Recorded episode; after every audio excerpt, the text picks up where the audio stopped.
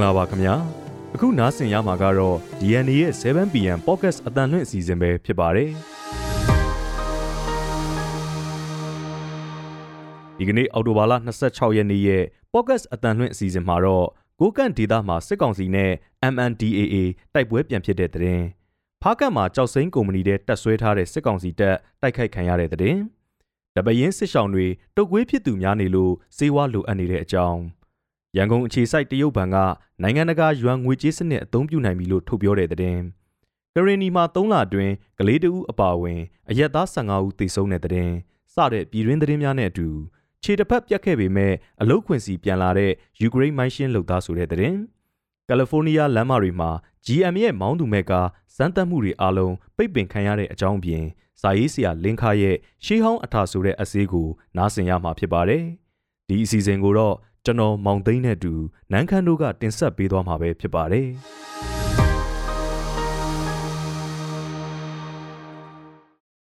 အခုပြည်တွင်းသတင်းတွေကိုတင်ဆက်ပေးပါမယ်ရှင်။ပထမဦးဆုံးပြောပြချင်တဲ့အကြောင်းကတော့ကိုကန့်ဒေတာမှာစစ်ကောင်စီနဲ့ MNDAA တိုက်ပွဲပြန်ဖြစ်တယ်ဆိုတဲ့အကြောင်းပါ။ရှမ်းပြည်နယ်မြောက်ပိုင်းကိုကန့်ဒေတာမှာစစ်ကောင်စီနဲ့ကိုကန့်တပ်ဖွဲ့တွေမနေ့ကတိုက်ပွဲပြန်ဖြစ်ခဲ့ပြီး စစ်ကောင်စီကလေကြောင်းနဲ့လက်နက်ကြီးတွေအုံပြုတိုက်ခိုက်ခဲ့တာကြောင့်အရက်သားတွေလည်းတည်ဆုံထိခိုက်မှုရှိတယ်လို့ကိုကန့်တပ်ဖွဲ့ MNDAA ကဒီကနေ့မှထုတ်ပြန်ပါတယ်။ကိုကန့်နဲ့မန်တုံပတီတာမှာစစ်ကောင်စီနဲ့ MNDAA တပ်ဖွဲ့တွေမနေ့နေ့လယ်ပိုင်းမှာတိုက်ပွဲဖြစ်ခဲ့ကြတာဖြစ်ပြီးတိုက်ပွဲအတွင်း MNDAA ဘက်ကတအူးတေဆုံးပြီးတော့တအူးဒဏ်ရာရရှိကစစ်ကောင်စီဘက်ကတေဆုံးထိခိုက်မှုတွေကိုတော့မသိရသေးဘူးလို့ဖော်ပြထားပါတယ်။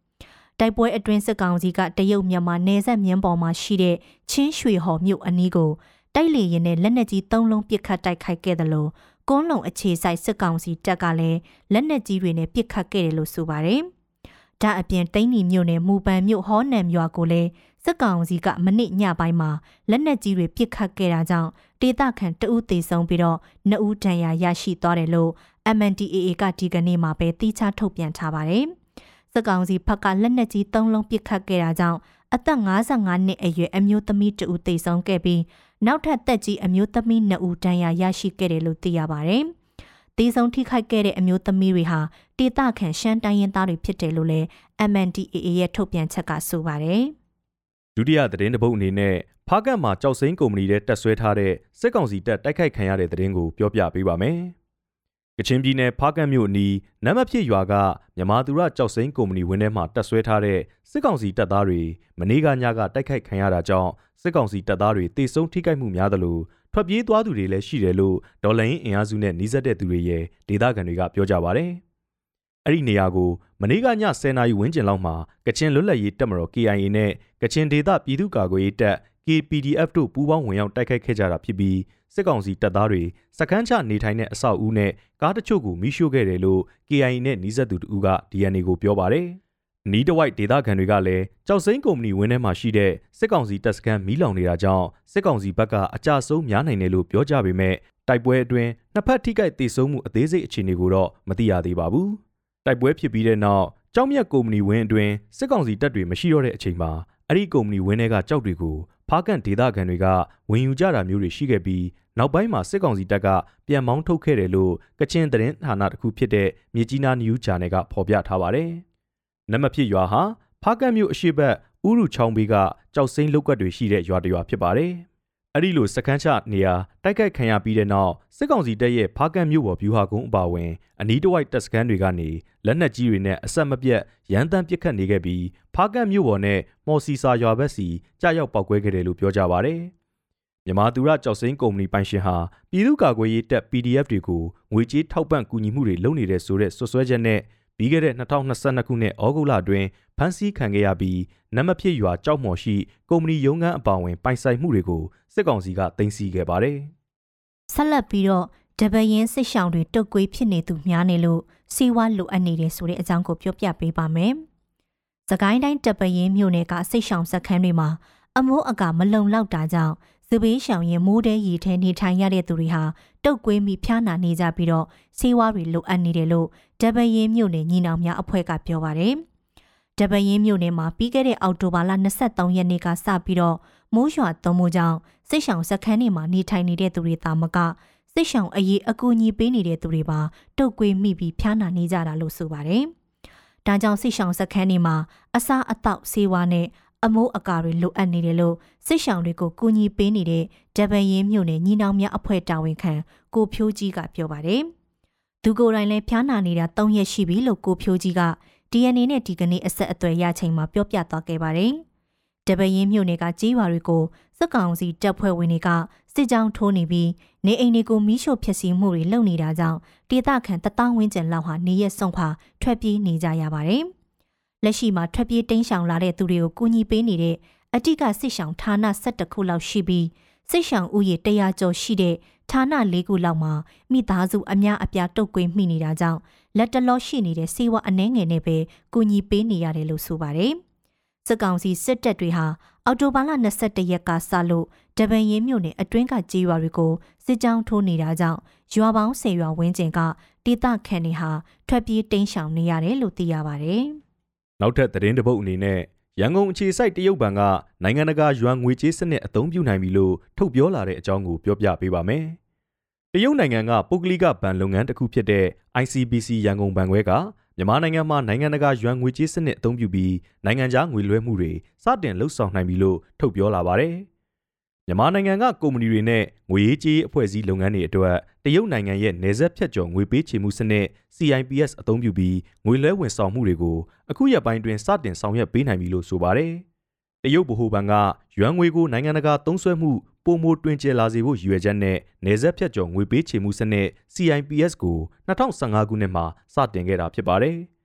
တရုတ်နိုင်ငံရဲ့အကြီးဆုံးဘဏ်တွေထဲကတစ်ခုဖြစ်တဲ့ ICBC ဘဏ်ဟာပြီးခဲ့တဲ့အစိုးရလက်ထက်တွေကတည်းကရန်ကုန်မြို့မှာဘဏ်ခွဲဖွင့်လှစ်ခဲ့ပြီးအရင်ကတော့မြန်မာနဲ့တရုတ်နိုင်ငံတွေကြားရွမ်ငွေကြေးနဲ့ဓာတ်ရိုက်ငွေလွှဲနိုင်တဲ့ဝန်ဆောင်မှုမျိုးတွေပေးခဲ့ပါတယ်။လက်ရှိမှာတော့တရုတ်ဗဟိုဘဏ်ရဲ့နိုင်ငံတကာယွမ်ငွေကြေးစနစ်နဲ့ပါချိတ်ဆက်လိုက်ပြီဆိုတာကြောင့်ပုံမိုကျယ်ပြန့်တဲ့ငွေရေးကြေးဝန်ဆောင်မှုတွေရယူနိုင်တော့မဲ့သဘောဖြစ်ပါတယ်။အာဏာသိမ်းပြီးနောက်ပိတ်ဆို့အရေးယူခံရမှုတွေကြောင့် စစ်ကောင်စီနဲ့လုပ်ငန်းရှင်တွေနိုင်ငံတကာငွေရေးကြေးကိစ္စတွေဆောင်ရွက်ဖို့အခက်တွေ့လာချိန်မှာမြန်မာနိုင်ငံအခြေစိုက်တရုတ်ဘဏ်ကနိုင်ငံတကာယွမ်ငွေကြေးစနစ်အသုံးပြုနိုင်ပြီလို့မိတ်ဆက်အသိပေးလာတာလည်းဖြစ်ပါတယ်။အခုဆက်လက်ပြီးတော့ဂရီနီမှာ3လအတွင်းခလေးတဦးအပါအဝင်အယက်သား15ဦးသေဆုံးနေဆိုတဲ့အကြောင်းကိုပြောပြပေးပါမယ်ရှင်။ဂရီနီကရားပြည်နယ်မှာအခုနှစ်ဇူလိုင်လကနေစက်တင်ဘာလအထိ3လအတွင်းစစ်ကောင်စီတပ်လက်ချက်နဲ့အသက်73နှစ်အရွယ်ခလေးငယ်တဦးအပါအဝင် အယက်သား15ဦးသေဆုံးခဲ့တယ်လို့ဂရီနီလူအခွင့်ရေးအဖွဲ့ကဒီကနေ့ထုတ်ပြန်တဲ့3လပတ်လူအခွင့်ရေးဆိုင်ရာသုံးသက်ချက်စာတမ်းမှာဖော်ပြထားပါတယ်။စစ်ကောင်စီတပ်ရဲ့ဖမ်းဆီးတပ်ဖြတ်မှုလေကြောင်းတိုက်ခိုက်မှုလက်နက်ကြီးလက်နက်ငယ်ပစ်ခတ်မှုနဲ့မြေမြုပ်မိုင်းတွေကြောင့်အခုလိုတေဆုံးခဲ့ရတာဖြစ်ပြီးဇူလိုင်လအတွင်းမှာတော့တေဆုံးသူ9ဦးနဲ့အများဆုံးဖြစ်ခဲ့ပါတယ်။တေဆုံးသူတွေထဲမှာလေကြောင်းတိုက်ခိုက်ခံရမှုကြောင့်3ဦးလက်နက်ကြီးပစ်ခတ်တိုက်ခိုက်မှုခံရမှုကြောင့်4ဦး တနက်နဲ့ပစ်ခတ်ခံရသူ4ဦးအပြင်မြေမြုပ်မိုင်းနင်းမိလို့တေဆုံးတာ2ဦးနဲ့အပန်းခံရပြီးတဲ့နောက်တေဆုံးသူလည်း2ဦးပါဝင်တယ်လို့သိရပါတယ်။ဒါအပြင်အဲ့ဒီ3လအတွင်းစစ်ကောင်စီတပ်ရဲ့ပြစ်ခတ်တိုက်ခိုက်မှုတွေကြောင့်အသက်3နှစ်အရွယ်ကလေးငယ်တဦးအပါအဝင်အယက်သား32ဦးလည်းအပြင်းအထန်ထိခိုက်ဒဏ်ရာတွေရရှိခဲ့တယ်လို့ဂရနီလူအခွင့်ရေးအဖွဲ့ကဆိုပါတယ်။အလားတူစစ်ကောင်စီတပ်ရဲ့လေကြောင်းနဲ့လက်နက်ကြီးပစ်ခတ်မှုတွေကြောင့် ဂရနီပြည်သူတွေရဲ့နေအိမ်83လုံးထပ်မံပျက်စီးခဲ့တယ်လို့ဖျားကြောင်တဆောင်ဆေးရုံတရုံနဲ့စာသင်ကျောင်း၅ကျောင်းလည်းပျက်စီးသွားခဲ့တယ်လို့စာတမ်းမှာဖော်ပြထားပါတယ်။ပြီးခဲ့တဲ့ဧပြီလကနေဆွန်လအထိ3လအတွင်းမှာတော့ဂရနီပြည်နယ်တဝန်စက်ကောင်စီတက်လက်ချက်နဲ့ဒီဆုံးခဲ့ရတဲ့အယက်သား49ဦးနဲ့ထိခိုက်ဒဏ်ရာရရှိခဲ့သူ83ဦးအထိရှိခဲ့ပါတယ်။ထိခိုက်သေးဆုံးခဲ့ရတဲ့သူတွေအများစုဟာ စက်ကောင်စီတက်နဲ့ဂရနီကာကွယ်ရေးတပ်တွေကြားနှစ်ဖက်တိုက်ပွဲပြင်းထန်လေးရှိတဲ့ဒီမော့ဆိုဖရူဇိုလွယ်ကော်မြို့နယ်တို့ကဒေသခံတွေနဲ့စိတ်ရှောင်တွေဖြစ်ပါတယ်။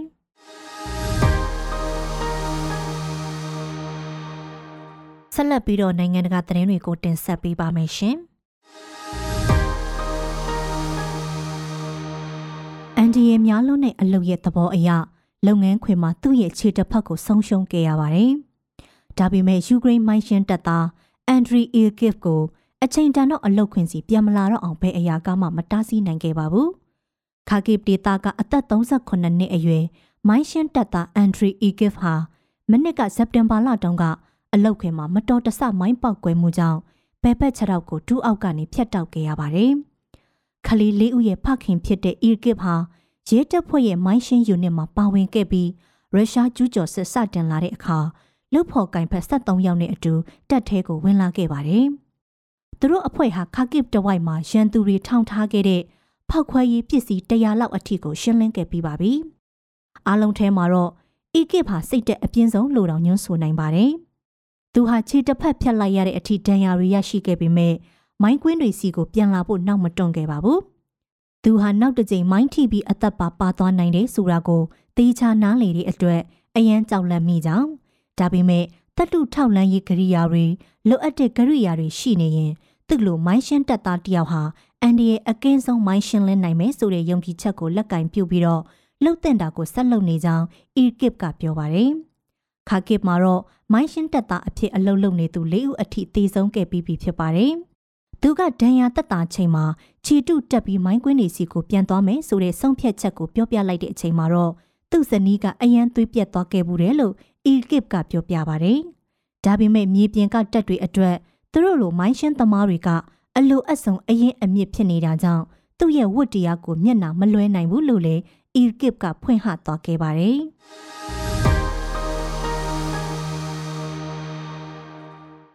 အမေရိကန်နိုင်ငံကယ်လီဖိုးနီးယားပြည်နယ်ရဲ့အစိုးရဟာဒေသတွင်းလမ်းတွေပေါ်မှာ General Motor GM ကုမ္ပဏီကစမ်းသပ်နေတဲ့မောင်းသူမဲ့ကားတွေကိုဖယ်ရှားဖို့အမိန့်ထုတ်လိုက်ပါတယ်။ GM ရဲ့မောင်းသူမဲ့ကားတွေဟာလမ်းသွားလမ်းလာတွေဒေသခံတွေအတွက်အန္တရာယ်မကင်းသေးဘူးလို့ယူဆရတဲ့အတွက်အများတကာသွာလာနေတဲ့လမ်းတွေပေါ်ကိုဆက်လက်စမ်းသပ်ခွင့်ပေးတော့မှာမဟုတ်ကြောင်းဒါအပြင် GM ဟာသူတို့ရဲ့မောင်းသူမဲ့ကားနီးပညာနဲ့ပတ်သက်လို့အချက်အလက်တွေတင်ပြရမှာလုံခြုံရေးအာမခံချက်တွေကိုပိုပိုတာတာဖြည့်ဆွက်ဖော်ပြထားခဲ့ကြောင်းလည်းကယ်လီဖိုးနီးယားပြည်နယ်အစိုးရအာဏာပိုင်တွေကပြောပါတယ်။ ဒါကြောင့် GM ရဲ့မောင်းသူမဲ့ကလက်တွေ့စမ်းသပ်မှု project ဖြစ်တဲ့ Cruise ဟာအခုအခါမှာကယ်လီဖိုးနီးယားလမ်းမတွေပေါ်မောင်းနှင်နေမှုတွေကိုရုပ်သိမ်းလိုက်ရပါပြီ။ခရူစာသတ်မှတ်ထားတဲ့ကားမောင်းကွင်းတွေမှာသာစမ်းသပ်ခွင့်ရမှာဖြစ်ပြီးကားပေါ်မှာရင်မောင်းတဦးက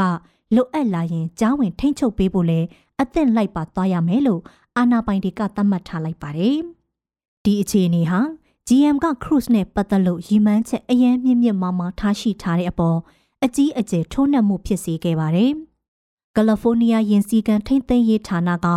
Cruise ရဲ့မောင်းသူမဲ့ညံရည်တုကွန်ပျူတာအထောက်အပံ့စနစ်ဟာလုံလောက်တဲ့လုံခြုံရေးအာမခံချက်တွေမရှိနိုင်သေးဘူးလို့ယူဆတဲ့၍လမ်းပေါ်ကိုအဲ့ဒီကားတွေပြန်ထွက်ခွင့်ပြုမှာမဟုတ်ကြောင်းပြောပါတယ်။ကယ်လီဖိုးနီးယားမှာ Cruise မောင်းသူမဲ့ကားတွေနဲ့ဆက်ဆက်တဲ့မတော်တဆမှုတွေဆက်တိုက်ဖြစ်ပွားခဲ့တာကြောင့်အခုလိုအရေးယူပိတ်ပင်တဲ့ဆုံးဖြတ်ချက်တွေပေါ်ထွက်လာတာပါ။ GM ကလည်းကံအကြောင်းမလာတာကြောင့်ကယ်လီဖိုးနီးယားပြည်နယ်ဆန်ဖရန်စစ္စကိုမြို့လမ်းဒီပေါ်မှာစမ်းသပ်နေတဲ့ cruise project ကိုအကန့်အသတ်မရှိဆိုင်းငံ့ထားရတော့မှာဖြစ်တယ်လို့ကြေညာပါတယ်။အော်တိုဘာလ၂ရက်တုန်းက cruise ကားတစ်စီးဟာလမ်းဖြတ်ကူးသူတယောက်ကိုတွေ့တဲ့အခါ brake အုပ်ပြီးအရှိန်ချော့ခဲ့ပေမဲ့ကားမရက်ပဲတတ်မှတ်နေရရောက်တဲ့အထိဆက်လက်မောင်းခဲ့တဲ့ဖြစ်စဉ်ကိုအကြောင်းပြုပြီးတော့အခုလိုနောက်ဆက်တွဲပြဿနာတွေပေါ်လာခဲ့တာပါ။အဲ့ဒီကိစ္စဟာ ကားတိုက်ပြီးထွက်ပြေးတဲ့ပြစ်မှုနဲ့သဘောတဘာဝတူညီနေတာကြောင့်ကယ်လီဖိုးနီးယားမှာ cruise ရဲ့ project တွေဆိုင်းငံ့ခံရတာဖြစ်ပါတယ်။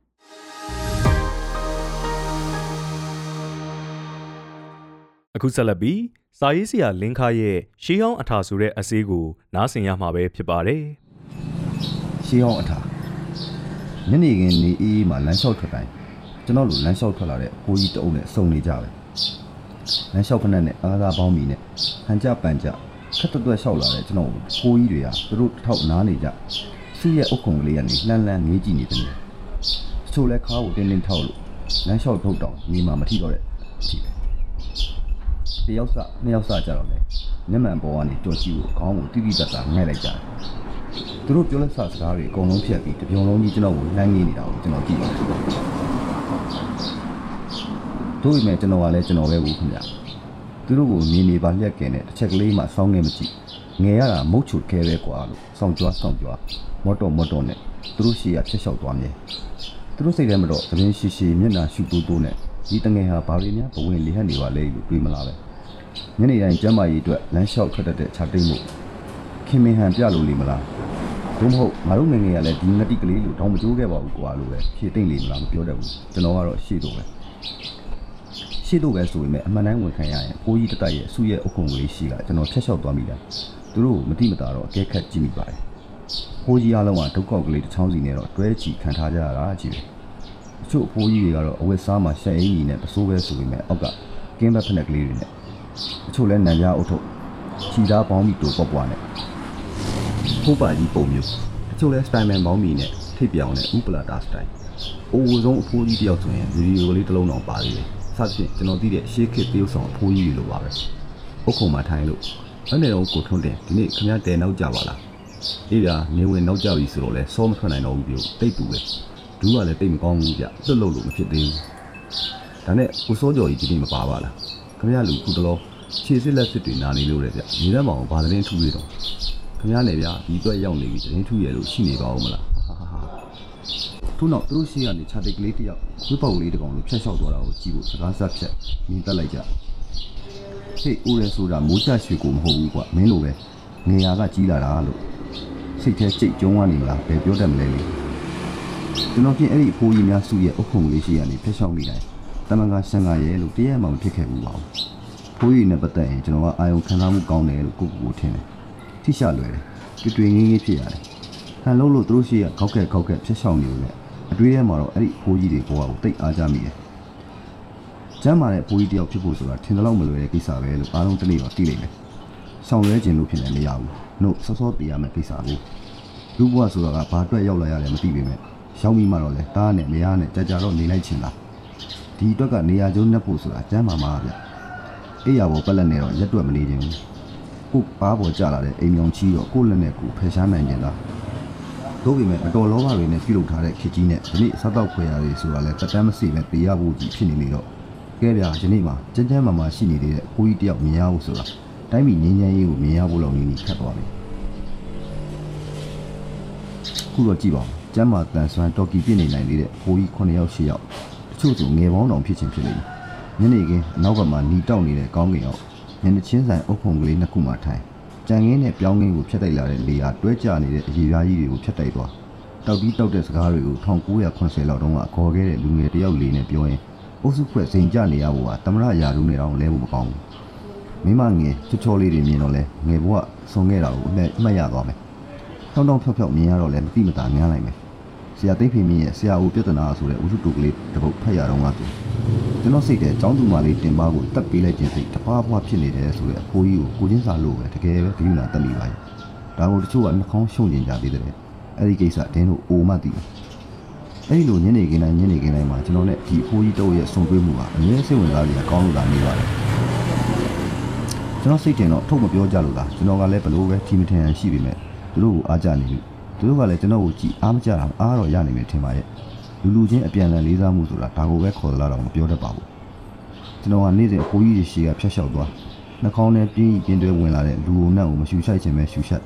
အုံနောက်ကအဖိုးကြီးပိုင်းဆိုင်ရာဘဝနေနည်းများကိုဆင်ញင်တွေးစားရင်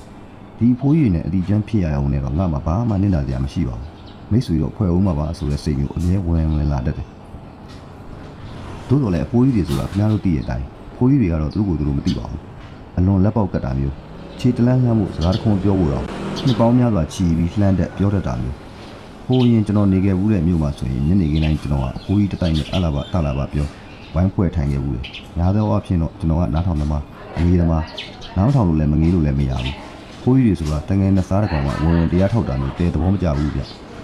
သူတို့စကားကိုနားထောင်သူတို့မျက်နှာပေးကိုခံစားနောက်ချိန်ကန်အားတင်လို့အဖိုးကြီးများဖြစ်ရအောင်မယ်ဆိုရင် ဆောင်ရန်ဆောင်ရန်မှတ်နေတဲ့အဖိုးကြီးဖြစ်တင်နန်းသားကလေးပမာပေါ့နှင်းများစွာအဲ့ဒီအတွေ့အကြုံကကျွန်တော်ကိုနောင်များအဖိုးကြီးတွေနဲ့ဆက်ဆံရေးအတွက်ကိုပါအများကြီးအကျိုးပြုခဲ့တယ်ဒါကြောင့်အဖိုးကြီးတွေအနောကိုဖြစ်အဖိုးကြီးမဟုတ်ပဲတိကျသူတွေပြိုင်ပွဲလုပ်ရမယ်ဆိုရင်ဖြစ်စုတစ်ခုကိုတော့ကျွန်တော်ချိန်ပါပဲဒီနေ့တော့အဲ့ဒီအတွင်းနဲ့အခုံဘောကအဖိုးကြီးအုပ်ပဲကျွန်တော်ဝင်ရောကြည့်ပါတယ်တောင်းရောက်ဆောင်တော့ကြီးပမာပုံခင်ဗျာတို့ဘာလို့ဘန်နိုင်ရှိပြီလဲခင်ဗျာဆိုတာကစလို့ဘာလို့မြင်လာကြပါပြီဘယ်ရက်ကွက်ကတော့ဒီနေ့ ဘယ်နှမိုင်လျှောက်ကြတော့ရင်နဲ့အတင်းမိတ်ဆက်မိတယ်ပထမဆုံးမေကွန်းဘယ်နှနိုင်ရှိပလဲဆိုတာကိုသာရှစ်ခုတ်ချိုးမျက်နှာနဲ့ကိုကြီးတယောက်ရဲ့အဖြေကိုရလိုက်တယ်ကျန်တဲ့မေကွန်းတွေအတွက်ကိုကြီးတွေရဲ့တုံ့ပြန်မှုကတော့ထင်ထားတဲ့အတိုင်းဘာစကားတစ်ခုမှမဆိုပဲကျွန်တော်မျက်ခွက်ကိုသာပူတော်ကျင်နေစိတ်ကြည့်နေကြပါတယ်ဖတ်မလို့ချင်ရမှာညီရလိုက်တာများအဖိုးကြီးရင်းကြနေတာပဲတယောက်နှစ်ယောက်ကလက်ပိုက်လို့နောက်ထပ်တယောက်နှစ်ယောက်ကခါထောက်လို့ခါထောက်တယ်သာဆိုရတယ်လက်ဟာခါပေါ်ကနန်ကြားအထိရောက်နေပါတယ်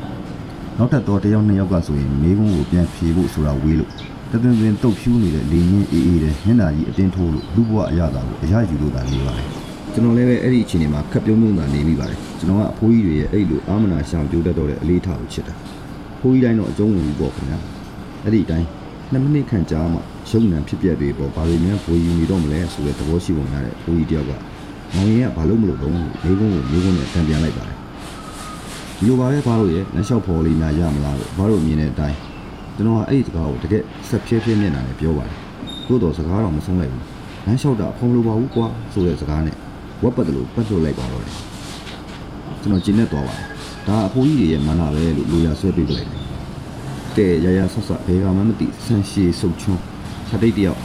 ဒီရင်တော့များဖြင့်ငါတို့ကိုရှိတယ်လို့တော့အတိမတ်မပြုနိုင်နဲ့ခုမှများလမ်းလျှောက်ဖို့စကားပြောပေါ်တဲ့ဘာညာမာနတကုံရွရွချွချွချွ ပီတိဖြစ်နေကြမယ်နဲ့တူပါတယ်အချင်းလို့ဆိုရရင်တော့အဖိုးကြီးမျိုးကြီးရိုင်းဆိုင်သောမှုန်တိုင်းကြီးတွေအဲ့လိုဆိုရမယ်နဲ့တူပါတယ်ကျွန်တော်လည်းအရင်လိုရှေ့သို့လောက်ရပါတော့တယ်နောက်ရက်တွေများမှလည်းမိတ်ဆွေဖြစ်မှုဆောင်ပွဲကြရှုံးခဲ့တဲ့ကျွန်တော်ကအဖိုးကြီးများစုရဲ့အုပ်ဖုံကလေးရှိရမမှန်ဖြတ်နေရတဲ့ဖိုးကြီးတွေကလည်းမင်းလောက်တော့အပြော့ပေါ့သုံးခွက်တစ်ခွက်တင်ကြိုတောက်လိုက်မယ်ဆိုတဲ့ရှေးဟောင်းအထာကြီးတွေနဲ့ကျွန်တော်ကိုလှမ်းလှမ်းခနဲ့ကြည့်ကြည့်လိုက်တဲ့နေ့အဲ့ဒီလိုနဲ့3ရက်4ရက်တစ်ပတ်ကြာသွားတခုသောညနေခင်းမှာအုပ်ခုံရှိကြော်လွန်ခဲ့ပြီးသားမှာ ဟေးမောင်ရင်ဟေးဟေးလို့ဖိုးကြီးတို့ကျွန်တော်ကိုလှမ်းခေါ်တယ်ကြားလိုက်ရပါတယ်လှမ်းကြည့်လိုက်ခင်မှာကျွန်တော်တစ်ချက်ပြုံးလိုက်တယ်ထို့နောက်မျက်နှာဘိုးတက်လေးစီကိုသွားနေတဲ့ယာမလို့တလန်းချင်းအိမ်တွေကြီးသွားနေဖိုးကြီးတို့ရှိကျွန်တော်သွားပါတယ်ဘယ်နဲ့လဲမောင်ရင်ပုံမှန်ရှောင်းနိုင်သားပဲကောင်းတယ်ဟေ့ရှေးကဘာမှမဖြစ်ခဲ့လေဟန်နဲ့အဖိုးကြီးများအားလုံးကိုစားဥဆံမတူနဲ့ခက်ဆင်ဆင်အဖိုးကြီးကပြိတနာရပြုတယ်ထို့နောက်တော့နေမင်းကိုအားလုံးရိပ်မိကြမယ်နဲ့တူပါတယ်ကျွန်တော်ကအဖိုးကြီးများလည်းဇက်တစ်တာကိုအနိုင်ရလိုက်တဲ့ဇမင်းသားတယောက်လိုဝင်ကြွားစွာရက်လို့ နှစ်များစွာတုံမိထားတဲ့ကြောက်ဆက်ရည်ပမာမြစ်တစ်ခုဖြစ်အောင်ဒီအမြင့်မပြတ်စကလုံးမြစ်ကြီးတစ်ခုအဲ့ဒီအဖိုးကြီးများစုရဲ့အုတ်ခုံတစ်ခုကြားစီးဆင်းနေပါတော့တယ်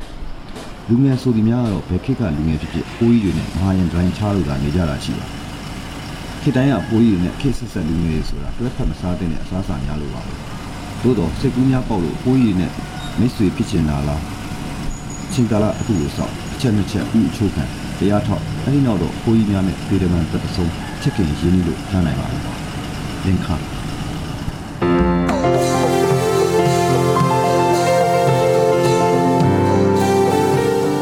DNA ရဲ့ podcast အတန်လွင့်အစီအစဉ်ကိုအပတ်စဉ်တနင်္လာနေ့ကနေတောက်ကြနေ့ည9:00နာရီတိုင်းမှာတင်ဆက်ပေးသွားမှာပဲဖြစ်ပါတယ်။ဒီအစီအစဉ်ကိုတော့ DNA ရဲ့ Facebook Page ကနေအပြင် Anchor, Spotify နဲ့ Google Podcast တို့တွေကနေတဆင့်လဲနားဆင်နိုင်ပါတယ်ခင်ဗျာ။